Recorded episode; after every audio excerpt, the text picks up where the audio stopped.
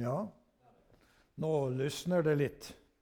Og det er jo veldig bra. Og jeg hadde veldig lyst til å eh, si som sant det Jeg har lyst til å stille dette spørsmålet nå før vi går i gang med talen. Er det noen her som har utfordringer? Og frimodigheten er like stor som alltid. Så her er det opptil flere hender fra samme person. Ja, sånn er livet. Og det er grunnen til at vi er samlet her i dag.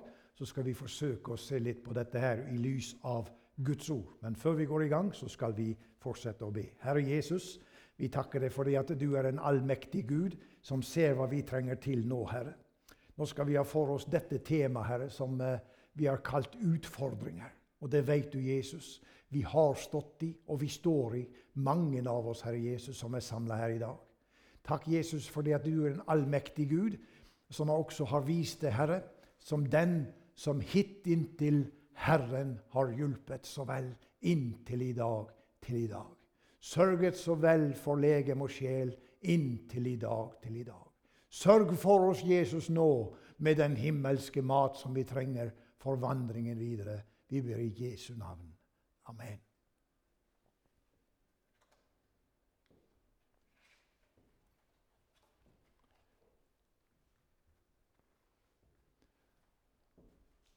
Jeg er sjelden god venn med disse tingene. Du verden. Noen ser bedre enn andre. Og forstår bedre enn andre. Sånn er det. Og det som er utgangspunktet for, for dette som vi skal ha for oss nå, det er dette verset som eh, vi finner i Romerbrevet 8, 28.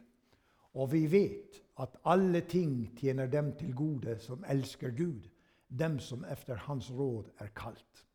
Har du protestert på dette noen gang? Nei, jeg ser ingen hender, og jeg ser ingen som nikker. Jeg kunne festet blikket på noen og spurt direkte, men la meg ikke gjøre det. Jeg tror at dette er et ord som de fleste av oss har eh, klødd oss i hodet over. At uh, dette her er vanskelig. For når livet treffer oss med ting, og da skjønner at det skal tjene oss til det gode, mm, det går ikke i hop med det vi har fått utlevert imellom ørene våre. Det er ikke et ord som vi kan forstå med den sunne fornuft eller med vår forstand. Dette her skal vi komme tilbake til. Men jeg har lyst til å understreke at Gud er en allmektig Gud. Og han vet, og han prøver å si oss gjennom apostelen Paulus her, at alle ting tjener dem til gode som elsker Gud. Dem som efter hans råd er kalt. For oss å se hva dette betyr, dette ordet som vi nettopp leste, så må vi ha et syn som fungerer. Det nytter ikke for meg å ta av med disse langdistansebrillene. De er små, men de er utrolig gode. Og det, for meg er det sylskarpt, dette som dere ser på veggen, dere som er til stede her. Men dette øyet, det er forbundet nøye med den grå masse som ligger, som sagt, i toppetasjen hos oss. Eh, det er dette som vi tror vi kan løse alle verdens problemer med. Men det er ikke tilfellet. For dette med å ha et syn, det blotte øyet, og at eh, det fungerer sånn som det skal, ja, det er utrolig viktig. For de av oss som har vært blind på det ene øyet, eller på begge to for den del, vi vet, iallfall hvis vi har vært seende, så er det utrolig vanskelig å fungere uten syn. Ja, det er kjent for de aller fleste. Derfor, når Bibelen taler om at vi skal se det som står i dette ordet her, så er ikke det det blotte øyet som vi skal se med, men vi skal se med hjertets øyne. Og eh, det å se med hjertets øyne, det er bare himmelen som kan forordne. Jeg og du kan ikke på vårt aller beste øyeblikk finne ut hva som står i dette ordet som vi nettopp siterte fra Romerne 8, 28. At alle ting tjener dem til gode som elsker Gud. Det må sees med hjertets øyne. Og for oss som er inne i kananspråket, for nå er vi der. Nå forlater vi veldig mye av vårt norske språk, eller et annet språk for den del, og så går vi inn i kananspråket. Og det er et språk som du, som du lærer på veien med Jesus. Mange ting, og spesielt når vi står overfor mennesker kanskje av den yngre garde, som ikke er vant med å høre kananspråket og forstå hva som ligger i de ordene som da brukes. Ja, det, det, er like vanskelig som om, at, om, at, om man hadde nå forlatt det norske språket og snakket et annet språk som vi kunne. Så, så, så hadde det vært komplisert for oss som er samla her, å fått helheten med. Og Derfor så ser jeg opp igjen dette å se med hjertets øyne, det er en gave som vi mottar. Akkurat som eh, eh, den lille jenta som kom inn her nå, som bare er et år gammel. Hun har ikke, hun har ikke engang lært det norske språket, og enda mindre har hun lært kananspråket. Men Herren formidler. Gjennom mor og fars nærhet så formidler Herren selv til den minste hva han har på sitt hjerte, hvis det er det de ønsker å legge inn i den lilles hjerte.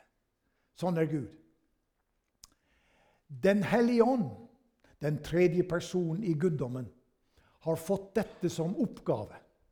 Og vi leser, Hvis vi leser i, i apostelgjerningene kapittel 2, så leser vi om at da Ånden kom som et løfte ifra Jesus for å ta over oppgaven som han hadde hatt. Dette å lede sitt folk, sine venner, sine disipler, inn i de himmelske sannheter. Så vet vi han forlot denne verden. Han ble opptatt til himmelen for der å sette seg ved Faderens høyre hånd og for deretter å sende oss det som han hadde lovet. Nettopp Den hellige ånd, som skal lære oss både kananspråket og også de bibelske sannheter ut ifra de fortolkninger som Den hellige ånd gir når han er hos oss. Jesus gav dette løftet. Talsmannen, Den hellige ånd, som Faderen skal sende i mitt navn. Han skal lære eder alle ting og minne eder om alle ting som jeg har sagt eder. Dette finner vi i Johannes 14, 26. Som dere ser, og jeg står her, og jeg slår et slag for denne gamle oversettelsen. Jeg gjør det. Jeg vet at det er de færreste her som bruker den, men, eh, og kanskje de som hører det utover akkurat tilstedeværelsen i arken, så bruker vi når vi har møte, å enes i dette som jeg sier er originalen. Og så leser vi den, og så kan dere som sliter med å forstå dette halvdanske språket, dere kan komme etter møtet, så skal vi ta det på ordinært norsk og, og legge det fram. Men Faderen skulle sende, og han sendte. Han sendte Den hellige ånd for at vi skulle få oppleve nettopp dette at han tar ifra det som står skrevet her, i, i dette ordet, og så viser han oss hva det innebærer. Og da, når vi ser hva som skjer i vårt indre, så er det to spørsmål, kanskje mange spørsmål. Vi har en tilmålt tid, og vi ser bak på veggen at den ene viseren den går rasende fort. Og det som er saken her, det er jo da disse spørsmålene som dukker opp. Hvordan skjer denne tildeling av innsikt i Guds ord? Og hvordan får vi del i åpenbaring i Skriften? Nå var det veldig lettvint å på en måte bare si noen få ord i kananspråkets eh, anførsel og derigjennom understreke og si at sånn er det. Men nå er det sånn at noen av oss var plantet i Guds rike for mange år siden. Og vi har gått disse små trinnene bortover på livets vei, og så har vi fått hatt med Herren å gjøre ved Hans nåde. Og så har vi fått lært en del ting om nettopp dette her. Mens andre de er nettopp kommet inn i Guds rike. Og de er nettopp begynt å høre på hva Bibelen prøver å forklare, og hva Bibelen sier til oss. Og vi stanser gjerne hm, ja, hvis vi nå hadde gjort det sånn og sagt at nå får du utlevert et ark her i dag, og så må du skrive hvordan skjer denne tildelinga av innsikt, og hvordan får vi del i åpenbaring i Skriften. Så skulle det vært interessant å tatt de frem her, og så skulle vi lest alle svarene, hva dere alle hadde sagt. Men nå skal vi ta det ut fra Skriften. Hvordan skjer denne tildeling av innsikt i Skriften? Innsikt over dette ordet som står i Romerne 8, 28. Vi vet at alle ting tjener dem til gode som elsker Gud. Det skal vi huske på. Dem som, den som er i Herren. Den som er i Herren. Og det betinger For å være i Herren så må vi gjennom en fødsel. Og Den finner vi beskrevet i eh, Johannes 3, f.eks. Og eh, alle de som tok imot han, sier Johannes 1, 12, alle de som tok imot han når anledningen kom, dem gav han barnerett. Det gav han rett til å være et barn av Gud. Vi skal gå videre på, på dette første spørsmålet. Hvordan skjer denne tildelingen av innsikt? Vel, for det første man må være kommet inn i Guds rike. Man må være på opplæringens vei både innenfor kananspråket og Guds ledelse og Åndens tale. Jesus sa, 'Han skal herliggjøre meg, for han skal ta av mitt og forkynne det for dere.' Johannes 16, 14. Det er viktig, for det var det Jesus sa. 'Jeg går bort', sa han, 'men jeg skal sende til dere talsmannen.' Han skal herliggjøre meg for at han skal ta av mitt, altså av det som er i det himmelske forråd, det som Gud har lagt på nådens bord, som vi kan få komme og hente når vi kommer til menigheten, når vi samles i hjemmet, når vi setter oss med ordet. Så er det at Den hellige ånd kommer på besøk for å bringe ifra nådens bord inn til mitt og ditt hjerte. Fordi at derigjennom skal vi styrkes på den veien som vi vandrer når vi vandrer sammen med Jesus. Og Spørsmålet er da hva mente Jesus at Den hellige ånd skal ta av det som er mitt, altså det som er Jesus sin eiendom? Og hva var det som var viktig for Jesus å peke på for sine den gang og for oss i dag. Det er lett å lese bibelhistoriene, og vi blar om til neste ark og leser hele fortellingen, og vi vet hvordan det begynte, og vi vet hvordan det endte. Men du og jeg vi står i en annen situasjon. Vi vet hvordan livet begynte, og hvordan de første leveårene oppover til dags dato har vært. Det greier vi å se. Men vi vet ingenting om hva som skjuler seg i morgendagen. Vi vet intet om i morgen. Vi vet bare om i dag. Og der kunne det vært fristende til å stanse og si Se hen på de som forleden uke gikk og la seg i sine leiligheter. Som gikk og la seg til ro i sitt hjem og hadde det fint.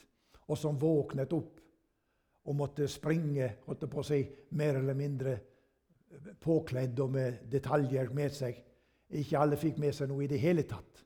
Noen fikk ikke engang med seg livet, for alt ble snudd på hodet. Fordi at det var en maniac som gikk inn på verdensarenaen og tok seg til rettes. Og så ble livet snudd opp ned. Det er viktig for oss venner å være klar over ja, vi kan ha for oss det som har vært. Husker du var det et program som heter I fordums tid? Husker du? Ja, noen av oss husker det. Og det var veldig koselige saker. Og, og, men, men, men, vet du er et spørsmål vi må stille i dag. Vet du om hva som skal skje i fremtiden? Ja, Bibelen har gitt oss noen informasjoner. Og Vi har gjort det så, så bra, vi mennesker, at vi bruker det som er her oppe i øverste etasjen, og så bruker vi det på Guds ord. Og bruker da vårt kjødelige øye og ender opp i Hva heter det? For ikke å være for vanskelig vi tar dissens. Vi er uenige, heter det på godt norsk. Vi er ikke enige om det som står skrevet, for vi ser det så ulikt, de mange ting i Skriften. Det var viktig for Jesus den gang å forsikre seg om at disiplene forsto det han snakket om. Og det er like viktig for oss i dag. Det dreier seg egentlig for oss som er på troens vei, om dette ordet som nå du ser på veggen. Golgata. Golgata. Om du hadde kjennskap til alt som sto i Skriften, om du hadde alle de gaver som apostelen beskriver, om du kunne lese hva det enn skulle være i Skriften,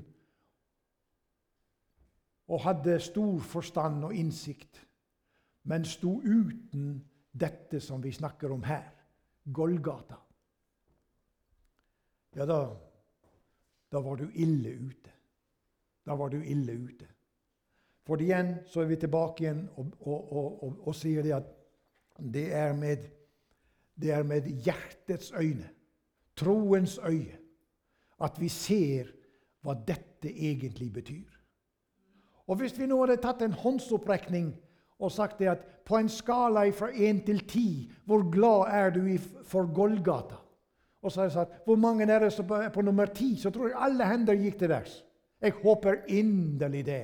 For dette, venner, det som dreier seg om Golgata, ja, det hører med til de første ting. Men står du uten personlig kjennskap til det som skjedde på Golgata, da har du ikke grunnlag for å komme videre, og da får ikke troens øye bli noe annerledes enn det som er ved kjødets øye. Da ser du lite av hva det egentlig betyr, dette som har med Golgata å gjøre. Og vet du hva?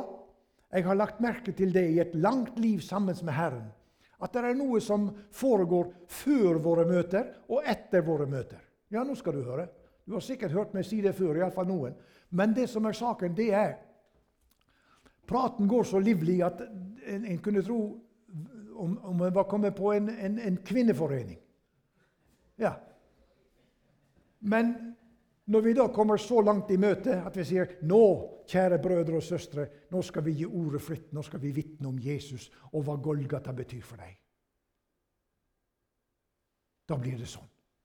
Da hører du knappenålen når den faller på gulvet. Og dette her, det sier jeg ikke til, til dere, jeg sier det like mye til meg. For det, har med dette å gjøre at Den hellige ånd må få vise meg personlig når jeg møter dette som vi møter i dette ordet. Alle ting tjener dem til gode som elsker Gud, dem som efter Hans råd er kalt. Alle ting tjener dem til gode. Og så møter vi, og noen har vi nevnt, ei lang liste med ting. Død og fordervelse, problemer av alle sorter. Utfordringer kaller vi denne, denne stunda vi har for oss her nå. Hovedoverskriften her er utfordringer. Når utfordringene kommer, da er det på en måte som det legger seg en tåke over Golgata. Men det er budskapet om Golgata som er som en ild imot denne tåken. Som en ild imot denne tåken. Og hva skjer når sola kommer frem? For oss som har vært på havet og har sett at tåka kommer sigende, og hjemreisen måtte utsettes med ei uke. Det var absolutt ingen god opplevelse. Tåka kom sigende og ble liggende så tjukk at du så ikke på tvers over der du var, Eh, hundre meter bortover, så så du ingenting. Det var bare en grå masse. Fordi at når denne tåken, den åndelige tåken, når djevelen er på ferde, og så legger et, et tåkehav over Golgata, da forsvinner vitnesbyrdet, vitnetrangen, trangen til å komme sammen, trangen til å enes i bønn og rope til Gud for det ene og det andre som, som kommer oss i vår vei. La oss gå til Markus 9, vers 49. Når jeg leste dette verset, så måtte jeg inn og så måtte jeg se litt på, på en del korrelasjoner eller forklaringer til dette. Og Felles for disse forklaringene som står om dette verset, som lyder sånn Enhver skal saltes med ild, og ethvert offer skal saltes med salt. Gå inn og les en forklaring til Bibelen og ta fram dette verset, så skal du få se. Det første som du møter, så står det dette er et vanskelig vers. Dette er et vanskelig avsnitt. Men når Bibelen setter det fram, og vi kjenner på det at 'dette forstår jeg ikke', da skulle vi også kjenne på behovet for her trenger jeg Hva trenger jeg? Jeg trenger hjertets øyne som ser. Jeg trenger åpenbaring ved Den hellige ånd for å skjønne hva sa Jesus egentlig når han sa dette i Markus 9. Enhver skal saltes med ild, og ethvert offer skal saltes med salt. Vi skal ta dette for oss. Når Den hellige ånd får virke ved Bibelens ord, da saltes det med ild. Hvis ikke Den hellige ånd får vise oss noen ting, så får vi heller ikke oppleve det som står her. For når Guds ordet treffer oss, det er levende og kraftig og skarpere enn noe tveegget sverd, og det trenger gjennom inntil det kløver sjel og ånd, ledemod og marg, og dømmer hjertets tanker og råd. Hebreerbrevet 4,12. Når Guds ord treffer oss. Og må Gud høre min bønn når jeg sier at skulle ønske Guds ord kunne treffe oss i menigheten, i vårt hverdagsliv, på en slik måte at vi ser vi er, siger og skriver, kløyvd. Og hvordan er det jeg vet ikke også mange her som er vant til å, å slakte. De fleste vet jo ikke hvor henne kotelettene kommer ifra. Men for oss som har vært med på dette her, så er det jo sånn å si det at når, når slakteren fører sin kniv, så deles det døde dyrets legeme, og en kommer inn i dyret.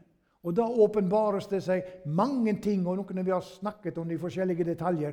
Men kniven, i dette tilfellet sverdet, det skjærer igjennom, det kløver, det åpner, for at Inni her så skal vi få se hva er det egentlig som er bestanddelen der inne i mitt indre.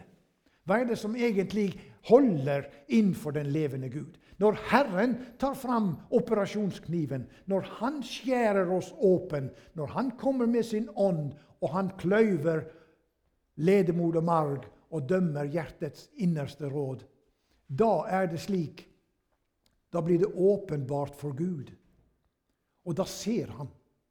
Og hva er det han ser her hos han som står her i dag? Og hva er det han ser når han ser inn i ditt liv? Og Da er det dette her som vi kommer tilbake igjen. Da er det Golgata vi må tilbake til. Og har du vært på Golgata med din syndebyrde, så ser Gud oss igjennom Han som ble løftet opp og forsvant for deres øyne. En sky tok han bort for deres øyne, og han reiste og satte seg ved Faderens høyre hånd. Der er det at vi er nå. Så når han snur seg og ser til høyre, den evige Gud, så ser han sin sønn. Og så ser han meg, og så ser han deg igjennom denne som egentlig er vår, egen, e, vår eneste frelsesvei det eneste navn gitt oss ved hvilket det er frelse. Så du som synes at jeg er litt usikker på hvordan det egentlig står til. Har jeg det rett med Gud? Er det slik at mitt navn er skrevet i livets bok? Da vil jeg igjen være med og understreke dette her. Har du kalt på Jesu navnet? Har du tatt Jesu navnet fysisk i din munn og sagt 'Jesus, jeg trenger deg fordi at jeg står uten på noen måte verken ære eller navn eller rykte'. Jeg har ingenting å komme med. Er det der du er? Ja, da er du salig. Da er du salig, for da skriver han sirlig med sin himmelske hånd ditt navn i livets bok. Ja, halleluja. Når Herren kommer til oss på besøk ved Den hellige ånd, og dømmer oss i vårt kjød, La oss lese hva som står. Guds vredesdom hviler da over sjelen, over dens utilstrekkelighet innenfor Gud. Og her, hva er det som er botemiddelet her? Jo, det er Golgata. Det er dette sentrale vi har for oss her i dag. Det er Golgata. Og, og, og, og, du som kjenner deg dømt i din ånd av en eller annen grunn. Du som står i utfordringer, som vi så her. Du som kjenner på at det strekker ikke til. Et eller annet i ditt liv er på en eller annen måte, som vi sier på godt norsk, det er på halv åtte. Og du synes at det halter av gårde både med troeslivet og med vitnesbyrdet og med, med livet i hverdagen og alt det som det innebærer. Ja, da er det slik at der finnes, der finnes en en mulighet for oss å falle til ro, selv om det er stormfullt hav. For det som skjer når du opplever dette her, så har vi fått oss en oppskrift. En oppskrift på hvordan løsningen foreligger. Og tolleren sto langt borte og ville ikke engang løfte sine øyne mot himmelen. Men han slo seg for sitt bryst og sa, 'Gud, vær meg synder nådig.' Lukas 18, 13. Og dette her, det er nettopp den oppskrift som Gud gir oss også i dag, denne formiddag, hvor han sier det at denne fortellingen om denne tolleren den kan brukes i 2022, på denne dag i mars måned. Og Derfor så sier jeg opp igjen denne beretningen er gitt oss som kjenner oss til tilforkortkommet. Som ikke når opp til det som vi skulle ønske vi hadde nådd opp til etter alle de år i vandring sammen med Herren. Så må vi tilbake igjen til dette ståstedet hvor denne tolleren sto. Han sto, står det, ved tempelets dør når han sa dette her. Han gikk ikke frem i tempelet og sto foran en menighet og sa dette her. Nei, han, han ville ikke engang løfte sine øyne mot himmelen, men han slo seg for sitt bryst og sa, 'Gud, vær meg synder nådig'.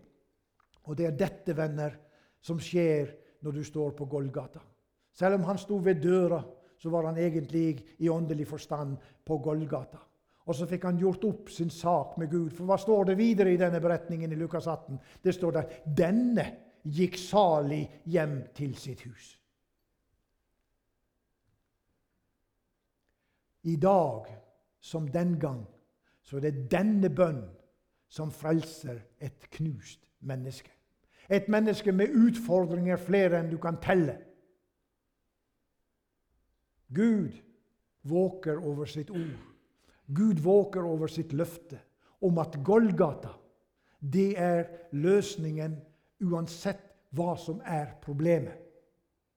Og jeg sier opp igjen vi har ikke dessverre tid her og nå, men skulle det være slik at du står fast i et eller annet problem, så skal ikke jeg stå og si her at jeg kan løse de for deg. Men jeg kjenner en som kan løse problemer som vi kaller for gordiske knuter. Vet du hva det er? Det er i så tilfelle, hvis det er ukjent, det er en knute som ikke har ende. Den har ingen ende, så du kan begynne å smøye og løse. En gordisk knute kan det være at du sitter med i ditt liv. Og da må vi kunne si det på bakgrunn av Skriften. Så vil Gud gi deg en erfaring om at også dette kan han løse. Og dette her er med og understreker at også i dag så er det det gamle evangelium med Jesu frelsesverk fra Golgata som er vårt håp og som er alle menneskers håp. Og vi ser, når vi snur oss vekk fra dette og tilhører en eller annen bevegelse, en kirke eller et eller annet, så ser vi det at hvis ikke det er liv i Gud Ja, nå skal ikke vi peke på noen ting, men jeg peker igjen på denne som bekjenner seg til en viss stor verdensomfattende kirke, og som står der og som på samme tid som han står der, så snur han seg mot naboen, og så skyter han dem. Vi ser dette utspille seg i dag for våre øyne hver eneste dag, hele dagen. At det gamle evangelium er ukjent. For det har ikke ført til at det mennesket som ikke har tatt imot evangeliet, som ikke har kalt på Jesu navnet, men bare holder seg til en masse med opprams, som kommer fra gammel tid av, som ikke har med Skriften å gjøre. Menneskelige bud og regler. Dette er ikke for himmelens Gud godt nok. og Derfor må vi forkynne et evangelium at nådens evangelium det er det som kløyver ånd, sjel, leddmod og marg, og avslører at her inne, ifra hode til fot, i hjertets innerste rot, kun er en eneste masse av synd. Og hvem kan da bli frelst? Ved å kalle på navnet Jesus. Og Da er vi inne i Romerbrevet 10, 13. Der står det og det er et av mine favorittvers, mitt personlige. For jeg kjempet med dette her. Hvordan kan jeg vite det? Far og mor hadde gått og lagt seg, og jeg måtte inn. Og så spurte jeg far hvordan kan det være dette her, eh, at, jeg kan få vite om jeg har gått over til Gud. Jeg hadde gitt meg over i et møte til, til, til Jesus. Og hadde ropt på Jesus ja da, det var sånn i den tiden der. Både jeg og de som var rundt meg. Vi ropte bokstavelig på Jesus om at han måtte komme inn i, vår, i mitt liv. Og dette her kom djevelen og sa Nei, nei, nei, nei. nei, nei. Nei, nei, nei, nei. Hva er det du tror? Se her, mann. Du, du, du, tar deg jo en røyk i av og til, og, og du sniffer på korken, og du er med på det ene og du er med på det andre. Det, det, det, passer jo ikke inn. Du må ikke tenke deg at ditt navn er innskrevet i livets bok. Som en ung mann så tenkte jeg slik at jo da, det stemmer jo alt dette her. Jeg hadde ikke lært å skille hvilken stemme som egentlig talte, og hvilken stemme jeg skulle låne øret til. Og Derfor så måtte jeg gå til min salige, hensovede far og så spørre hvordan, hvordan skal jeg få greie på dette her? Hvordan kan jeg få hvile i dette her? Og så siterte han dette verset for meg, som har fulgt med siden. Vær den som påkaller Jesu navn. Jesu navn skal bli frelst. Og så fikk jeg òg oppleve at Den hellige ånd tok dette dekket bort, som gjorde at jeg kunne se hva Bibelen hadde å si om dette. Og så fikk jeg oppleve å komme inn i den freden som bare Guds ord kan gi ved Den hellige ånd. Det andre spørsmålet er hvordan få del i åpenbaring i Skriften. Hvordan henger dette sammen? Å være en kristen som har fått del i Den hellige ånd, betyr ikke nødvendigvis at Den hellige ånd har fått tilgang til all plass hos deg og meg. Har du et sånt hjertekammer du vet, Vi har jo opptil flere hjertekammer sånn fysisk sett. Og dette lærte vi om når vi gikk på skolen. Og i mitt hjerte, så i åndelig forstand, så vil jeg så gjerne være med og bestemme litt. Ja, Gud, du kan få, du kan få ta deg av dette Herre, som, som f.eks. har med, med tobakken å gjøre. Jeg sleit lenge med den. Det var sånn der ute med havet at uh, når du var nærmere til konfirmasjonsalder, selvfølgelig så hadde du en pakke tobakk på lomma. Det var sånn, det. Og så balte det på seg både med det ene og det andre. Det var sånn livet var. Det var dette som var liksom opplest og vedtatt, at sånn skulle livet leves. Men dette her med at jeg gjerne ville bestemme Og det gikk lang tid før jeg ga Herren den siste bit av medbestemmelsesrett og overlot den til Han. Da klippet han meg av. Og så har det vært sånn. Han brukte enda til ei lita jente. Fordi at eh, jeg fikk et tilbakefall. Et tilbakefall. Jeg syntes virkelig å ta seg en god sigar det var noe av det fineste en kunne gjøre. Ja. Og jeg satt hjemme i stua. Jeg tar det med som en parentes. Og jeg eh, satt og koste meg der i stua med en stor, fin hollandsk sigar. Og så hadde fruen og, og, og eldstejenta vært på en liten tur, og så kom de inn i gangen. Og så hørte jeg nede fra gangen Hun små hun sa det til mor si. Når jeg blir stor, så skal jeg ikke røyke. Jeg skal bare røyke en sigar til jul. Ja. Hun sitter her bak og kan fortelle dere at dette er sannhet. Ja.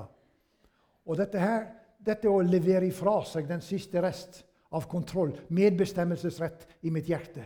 Det betydde at jeg måtte gi Jesus all plass der inne. Og kanskje du sliter med sånne ting. Det vet jo ikke jeg, for jeg, jeg, jeg har ingen, jeg har ingen uh, gave til å se forbi det pene ytre som jeg ser her. Men det er viktig for oss å gå til Skriften og lære hvordan vi skal håndtere disse tingene som kanskje ligger der og lager problemer for oss. Jesus ønsker stadig mer innpass i våre liv. Og du som jeg må spørre oss Vi har vel ikke holdt noe tilbake? Et rom som vi har stengt av? Og nei, Jesus, der, der har jeg de og de tingene. Der, det, det, det, må få ligge i fred. Ikke, ikke, ikke, ikke, prikk på det. Ikke ta på det. La meg få ha disse tingene her. Det være seg min egenart, min, min væremåte, vi kunne nevnt ørten eksempler som er med og lager tull for oss, lager problemer for oss i vår omgang med hverandre, i menighet og ut forbi menighet. Jesus ønsker stadig mer innpass og plass i mitt og ditt liv. Når du og jeg er i vanskeligheter, men ser disse vanskelighetene men da tillater Den hellige ånd å komme på besøk og gjøre sin gjerning. Da kan vi lese litt om det. Og Den, den beretningen som vi nå skal inn i, den kjenner du litt. Vi, eh, vi, vi skal lese om, eh, om, dette i 2. kongebok 6, 15-17. Det er etter tildragelsen med Elisa og Gehazi. Men vi skal gå inn på det som skjedde med den nye medvandreren, eller tjeneren som Elias fikk etter Gehazi. Og Der leser vi at situasjonen som her er beskrevet, de er omringet av fienden, som sto Elisa, Herrens tjener, etter livet. Og så leser vi da den, da den Guds manns tjener tidlig om morgenen gikk ut, fikk han se at en hær med hester og vogner hadde omringet byen. Da sa hans dreng til han, Å, min herre, hva skal vi gjøre? Her var de omringet av en gedigen armé. Og Elisa var målet for denne armeen. Han skulle tas av dage. Og tjeneren hans var livredd. Og Du må gjerne bla opp her i andre kongebok 6 og lese dette her når du kommer for deg sjøl. Og vi leser Han spurte hva skal vi gjøre? Det er jo akkurat sånn som i dag. Da spør vi òg hva skal vi gjøre? Hva er det som er løsningen på dette, Jesus? Så svarer den gamle, han som kjente den levende Gud. Vær ikke redd. De som er med oss, er flere enn de som er med dem. Fienden var på tusenvis der ute forbi eh, bymuren. På tusenvis. Og her sitter det to mann, og han ene han sier de som er med oss, de er flere enn de som er med dem. Du snakker om å være virkelighetsfjern, ville vi sagt. Helt på bar bakke må denne mannen være. Men Elisa hadde uttalt seg på bakgrunn av sin livserfaring, sin vandring sammen med Jesus. Elisa ba, og her er det at troens øyne opplukkes. Herre, Opplat hans øyne så han kan se. Det var ikke veldig lang bønn, dette her. Det var ikke en fin og, og, rolig bakgrunnsmusikk når det ble bedt. Det var heller ingen servering av høye smørbrød mens denne bønnen ble gitt. Men det var en enkel bønn om 'opplukk hans øyne, Herre'. Og så, så hører Gud bønn den gang, og så hører han bønn i dag. Og så opplot, herren, opplot Herren drengens øyne, så han fikk se at fjellet var fullt av gloende hester og vogner rundt omkring hele området der, rundt Elisa. Det fikk han oppleve å se i et nu. Konklusjonen som vi er kommet frem til nå Tildeling av innsikt og åpenbaring. Og venner, dette kommer ifra hjertet. Tildeling av innsikt og åpenbaring, det går gjennom trengsler. Og du som ikke vil oppleve trengsler, Du som ikke vil ha forbønn for dine problemer. Du som ikke vil være der hvor Herren har sagt du skal være. Du får aldri oppleve innsikt og åpenbaring, for du har ikke bruk for det. Fordi du sier nei takk til det som vi møtte i dette ordet. Vi vet at alle ting tjener dem til gode som elsker Gud. Sitter du fremdeles og lurer på om dette er sant? Om det stemmer i ditt liv? Alle ting? Tjener alle ting dem til gode som elsker Gud? Tjener alle ting som du opplever, til det gode for deg? Ser du det? Nei, vi vil ikke ha det sånn. Vi vil ikke ha det sånn. Vi vil ikke ha opplevelser og problemer og, og, og, alt dette. Og der er jo også å si med det samme en forkynnelse i dag som sier at ja, hvis du har problemer av en eller annen ting, så skal vi be for deg. Bare så inn noen uh, sedler, så skal vi ta deg med i våre bønner, og så skal du bli frigjort. Det er ikke sånn det fungerer, venner. Det er ikke sånn det fungerer. Herren har en annen måte å oppdra sine. Hva var det han gjorde med sitt folk? Da Egyptens hær sto bak dem, og de så støvskyen av døden som nærmet seg, og havet lå foran. Hva var det Gud da gjorde? Lagde han plutselig en, en gangvei over, over, havet? Det var ikke så veldig langt over. Hva gjorde han? Nei, han laget en vei igjennom. Igjennom. Legg nøye merke til disse detaljene i Guds ord. Han førte de igjennom, og det vil han gjøre med de som elsker Gud. Har du bruk for Golgata etter dette her?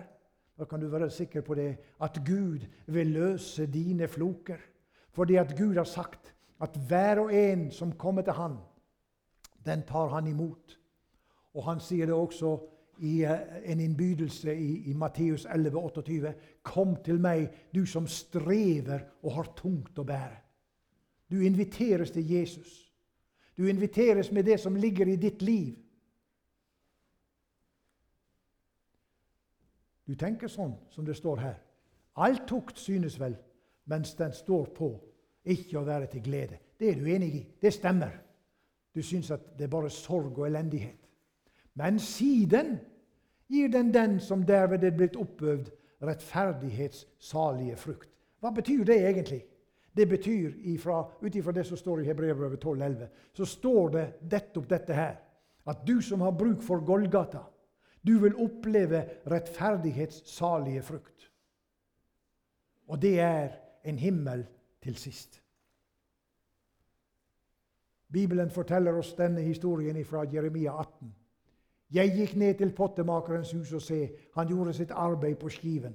Og når det kar han gjorde, ble mislykket, som det kan gå med lære i pottemakerens hånd, så gjorde han det om igjen til et annet kar, slik som han ville ha det. Slik som han ville ha det.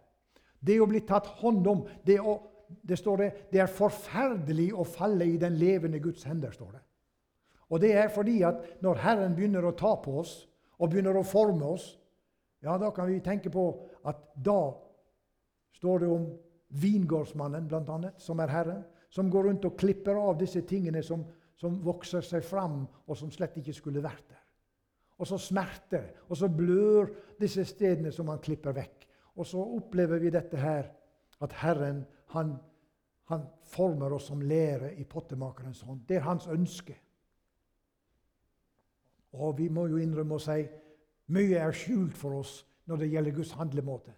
Men vi kan holde oss til de bibelske ordene som er uttalt, og derigjennom få himmelsk lys over det som er aller vanskeligst, for løftet er oss gitt.